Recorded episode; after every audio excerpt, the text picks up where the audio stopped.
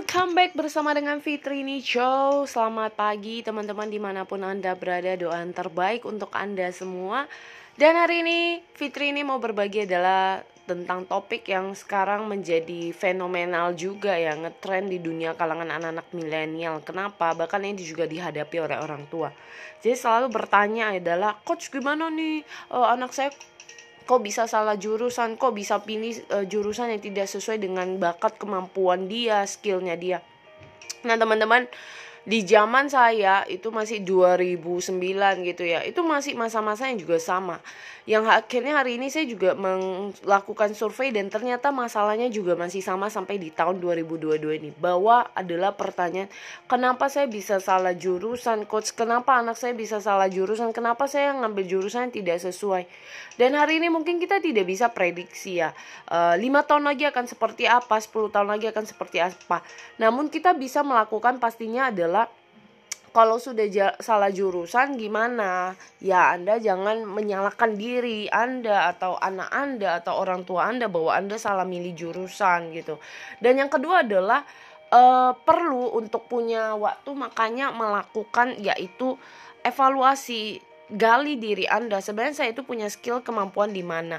Jangan udah mepet, udah deket sampai di waktu di mana titik Anda wajib memilih jurusan, Anda baru mikir mau ngambil apa. Kan ketelat banget gitu. Dan yang ketiganya adalah perlu persiapan. Jadi di saat Anda sudah tahu tersisa satu tahun buat Anda bisa uh, bisa selesai sekolah, Anda perlu memilih jurusan apa. Nah, perlu persiapan. Kira-kira saya harus mengambil apa. Dan tips yang mau saya bagikan adalah begini, teman-teman, bahwa kita itu perlu untuk uh, persiapkan diri. Karena gini, kita bisa lakukannya itu dengan tes karena sekarang itu tes minat bakat kecerdasan itu banyak. Sebenarnya itu tidak sejauh ya 11 12 yang hasil nyatanya nanti hampir mirip gitu loh. Nah kadang juga kita nggak bisa nyalain bahwa saya udah tes di tahun lalu kenapa tahun ini berbeda? Kadang memang ada porsi masa-masa di mana kita sedang masuk ke jenjang berikutnya kita akan mengalami lagi perubahan. Kok nggak uh, kayaknya kok saya suka ini lagi saya punya minatnya ini gitu. Makanya teman-teman gali terus. Kalau anda menemukan satu minat bakat anda digali gali terus sampai Anda menemukannya bukan dibiarkan, bukan malah ikut-ikutan. Nah, itu bahayanya adalah anak zaman now kebanyakan ikut-ikutan. Aduh, ikut deh temen ambil jurusan ini. Aduh, kalau saya ngambil jurusan ini rasanya aneh, nanti diketawai atau kayaknya aneh sendiri. Teman-teman, semuanya adalah kembali ke diri kita. Kita menjalankan, bukan orang tua kita, bukan teman kita. Kalau kita salah milih, ya salah dirinya sendiri karena kita yang memilih kan. Makanya kita tidak bisa menyalahkan siapa pun. Yang perlu Anda lakukan adalah mulai mempersiapkan diri.